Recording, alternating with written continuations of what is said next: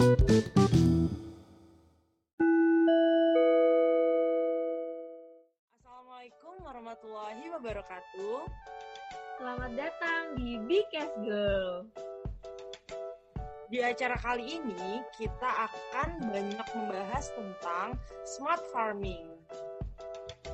Hmm, jadi kepo smart farming itu apa? Sama nih kak, aku juga kepo dengan apa sih smart farming itu? Eh, sebelum itu kita perkenalan dulu gimana? Oke, halo semuanya. Perkenalkan, aku Dinda Charmila. Aku Alivia Auratantisela dan kami akan kedatangan narasumber-narasumber yang epic banget. Di sini ada tiga cewek-cewek chance mahasiswa soil loh kak. Wow, pasti mereka bakal ngasih kita ilmu baru tentang apa sih smart farming itu. Bisa, bisa, bisa. Mari kita panggilkan Kak Lariza, Nadia, dan Kak Sapna. Buat para pendengar bisa tepuk tangan. Yeay! Eh, selamat datang Kak Lariza, Kak Nadia, dan Kak Sapna. Halo, selamat datang. Kayaknya nggak berlama-lama lagi, kita akan langsung ke beberapa pertanyaan yang udah banyak dipertanyakan sama para pendengar pastinya. Bisa, boleh nih Kak? Oke, jadi pertama pertanyaannya adalah eh, menurut ketiga narasumber kita yang kece ini, menurut opini kalian apa sih smart farming itu? Oke, pertama dari Kak Nadia dulu deh. Ya, dari aku ya. Kalau menurut aku sih smart farming secara sederhana bisa diartikan sebagai precision agriculture atau pertanian tepat karena dalam mengidentifikasi keadaan dan kebutuhan dari setiap tanaman. Dari mengidentifikasi tersebut, petani jadi lebih paham akan tindakan apa yang harus dilakukan pada setiap tanamannya begitu. Tuh kan, keren banget jawabannya. Selanjutnya dari opini Kak siapa nih? Kak Lariza boleh deh. Oke, kalau menurut aku, smart farming itu merupakan metode pertanian cerdas dengan berbasis teknologi. Teknologi yang digunakan sendiri dalam smart farming merupakan agri-drone, sprayer atau drone penyemprot pestisida dan pupuk cair, drone surveillance atau drone untuk pemetaan lahan, serta soil and weather sensor atau sensor tanah dan cuaca. Namun, metode smart farming itu bukan sekedar tentang penerapan teknologi. Kunci utama smart farming adalah data terukur berdasarkan analisis sensor yang telah dipasang di areal penanaman. Kalau menurutku sih seperti itu, Kak. Wah. Eh, kalau menurut dari Kak Sapna, gimana? Wah, saya kagum sama pendapatnya kakak-kakak sebelumnya ya dari Kak Nadia, Kak Lariza gitu ya. Sudah bagus-bagus itu menurut saya pendapatnya. Jadi saya cuma menambahkan ya, smart farming itu kan diartikan dalam bahasa Indonesia berarti pertanian cerdas. Benar kata Kak Nadia tadi. Apa sih pertanian cerdas itu? Ya pertanian tepat gitulah ya. Mengidentifikasi keadaan dan kebutuhan dari setiap tanaman dengan tepat. Jadi petani itu menjadi lebih mudah untuk mengidentifikasi apa saja yang dibutuhkan oleh tanaman, sehingga petani bisa menambahkan apa yang dibutuhkan oleh tanaman tersebut. Seperti itu, Pak. Wah, opini dari ketiga narasumber kita tuh keren-keren banget ya, Kak. Jadi kita menambah ilmu baru nih, apa tuh smart farming. Karena selama ini kita cuma dengernya tuh, e, ini smart farming, ini smart farming, kayak gitu-gitu doang ya, Kak. Jadi kita Iya, Kak. informasinya lebih banyak gitu ya. Iya, lagi sekarang kan lagi masa pandemi gini. Eh, terus eh, kayak lagi kita juga sebagai mahasiswa fa- fakultas pertanian itu kan biasanya banyak ke lahan-lahan gitu kak. Nah, tapi dengan adanya podcast ini kita dapat bisa menambah ilmu-ilmu baru gitu kak. Bener, Kak. Apalagi- Jadi Jadi kita itu walaupun kita lagi nggak ketemu, kita tetap bisa menambah banyak ilmu dari podcast ini secara online tentunya. Iya kak. Jadi selanjutnya, karena tadi kita udah dengar opini-opini dari ketiga narasumber kita tentang apa sih smart farming itu, apa sih smart farming yang mereka ketahui gitu. Jadi selanjutnya kita akan tanya apa nih kak? Uh, aku lagi kepo nih, kenapa sih harus menggunakan smart farming? Apa keunggulannya hingga harus diterapkan?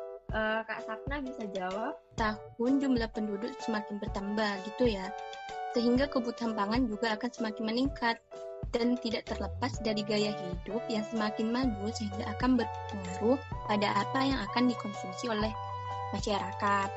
Dengan menerapkan smart farming ini, ada beberapa keuntungan yang bisa didapat. Pertama yakni data-data besar bisa dikumpulkan menggunakan sensor pertanian.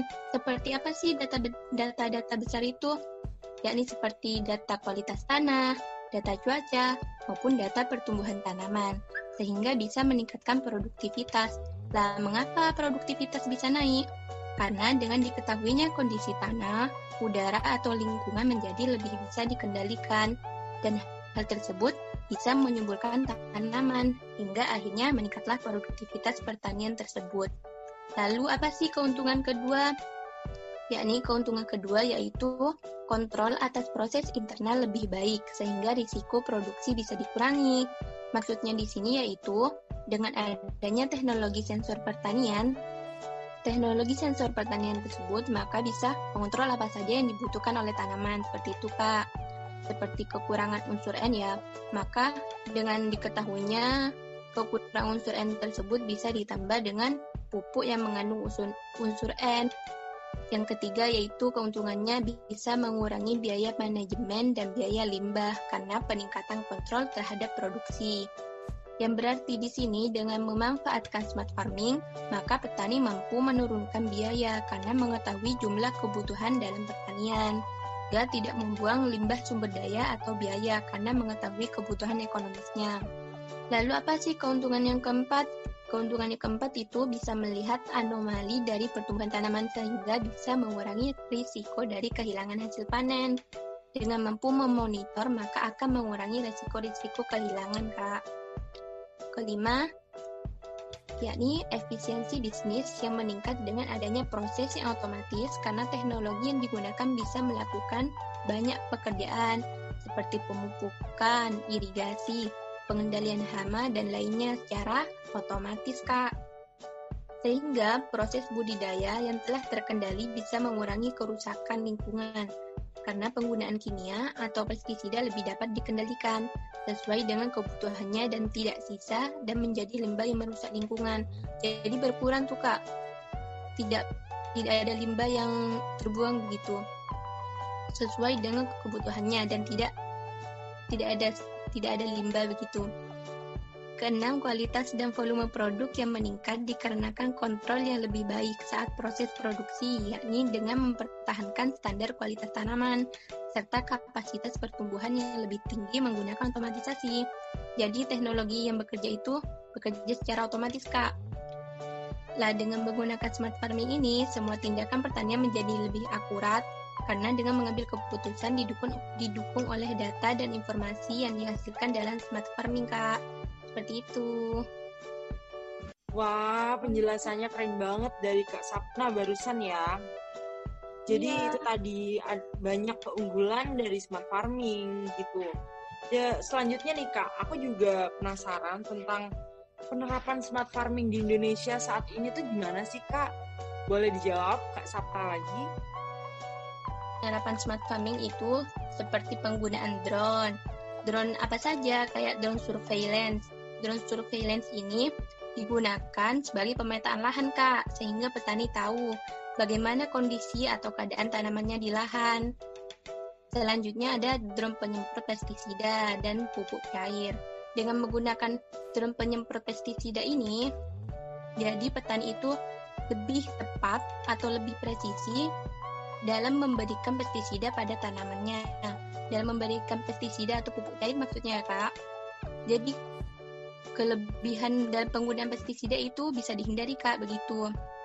Serta adanya soil and weather sensor atau sensor tanah dan cuaca yang nantinya akan memberikan informasi kepada petani seperti informasi suhu, kelembaban, kelembaban udara dan tanah, kadar air, pH tanah sampai estimasi masa panen. Sehingga dengan adanya soil and weather sensor ini akan memudahkan petani untuk mengetahui apa saja yang dibutuhkan oleh tanaman seperti apakah tanaman kekurangan pupuk hingga perlu untuk ditambahi pupuk tersebut lalu apa juga perlu penambahan air dan lain sebagainya begitu kak hal tersebut sangat sangat memudahkan petani kak dalam bertani sehingga petani itu terbantu sekali untuk melakukan tindakan apa yang harus diberikan pada tanaman produksinya. Dengan adanya berbagai kemudahan yang didapat petani itu akan mengakibatkan hasil panen menjadi lebih baik, efektif, dan efisien tentunya ya kak. Seperti itu kak jawaban dari Kak Sapna tadi tentang uh, penerapan smart farming di Indonesia itu juga cukup keren ya. Jadi kita tuh tahu informasi tentang penerapan smart farming di Indonesia saat ini itu gimana. Oke, selanjutnya nih Kak, aku jadi pengen tahu prinsip kerja smart farming di Indonesia sendiri itu gimana sih? Uh, bagaimana penerapannya di di lapang gitu? Ya, baik Kak. Uh, untuk penerapan smart farming di Indonesia sendiri itu sudah diterapkan dengan bentuk implementasi UAV, agriculture, penggunaan drone, dan otomasi. Implementasi UIP yaitu itu digunakan untuk membawa cairan insektisida, pestisida, dan juga fertilizer dengan menyemprot pada lahan pertanian secara otomatis. Sedangkan pengimplementasian dengan penggunaan drone yaitu digunakan untuk survei udara dalam pertanian sebagai inspeksi kesehatan tanaman dengan metode NDVI image processing. Nah, pada pengimplementasian otomasi yang diterapkan yaitu smart farming untuk weather nutrition yang dapat terintegrasi melalui wireless dengan disambungkan pada smartphone atau laptop pada stasiun utama.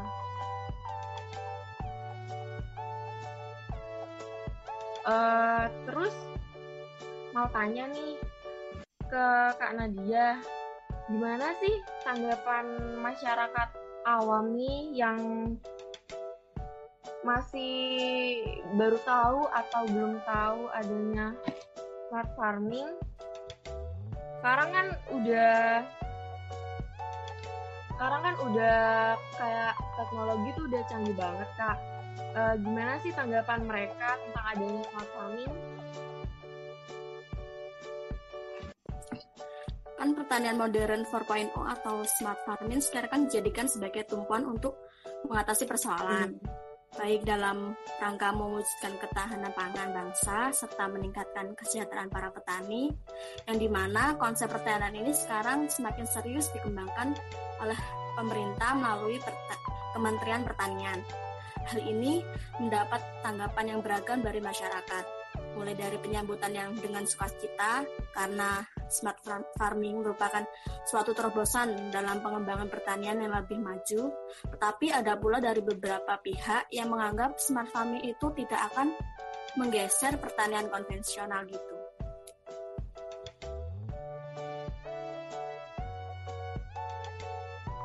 Oke, jadi itu ya Kak tanggapan masyarakat awam yang baru tahu dan baru dengar tentang smart farming.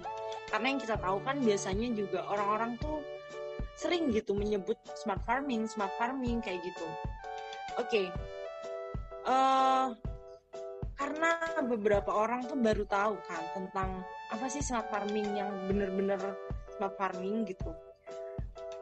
Uh, menurut aku kita juga perlu tahu tuh kak kendala yang kita hadapin dengan smart farming karena yang kita tahu kan selama ini smart farming adalah pertanian yang cerdas gitu jadi bisa nggak kak dijelasin tentang kendalanya uh, smart farming itu sendiri nah kalau kendala mengenai smart farming itu uh, smart farming bukan sekedar tentang penerapan teknologi, namun kunci utama smart farming yaitu tentang data terukur berdasarkan analisa sensor yang telah dipasang di area penanaman. Sensor tersebut akan memberikan informasi mengenai berbagai hal yang terkait dengan tanaman. Kurangnya, pemahaman tentang pemanfaatan teknologi menjadi salah satu kendala yang krusial, karena dalam bidang pertanian yang ada di Indonesia masih menggunakan sistem konvensional sehingga banyak petani yang kurang pemahamannya mengenai pemanfaatan teknologi dalam penerapan smart farming ini. Nah, selain masalah kurangnya pengetahuan tentang teknologi, juga terdapat beberapa kendala lainnya dalam penerapan smart farming, yaitu seperti kesulitan mencari bibit unggul akibat lemahnya informasi yang didapat dan budidaya dalam tanaman tersebut, dan juga penanggulangan hama serta kegiatan panen dan pasca panen.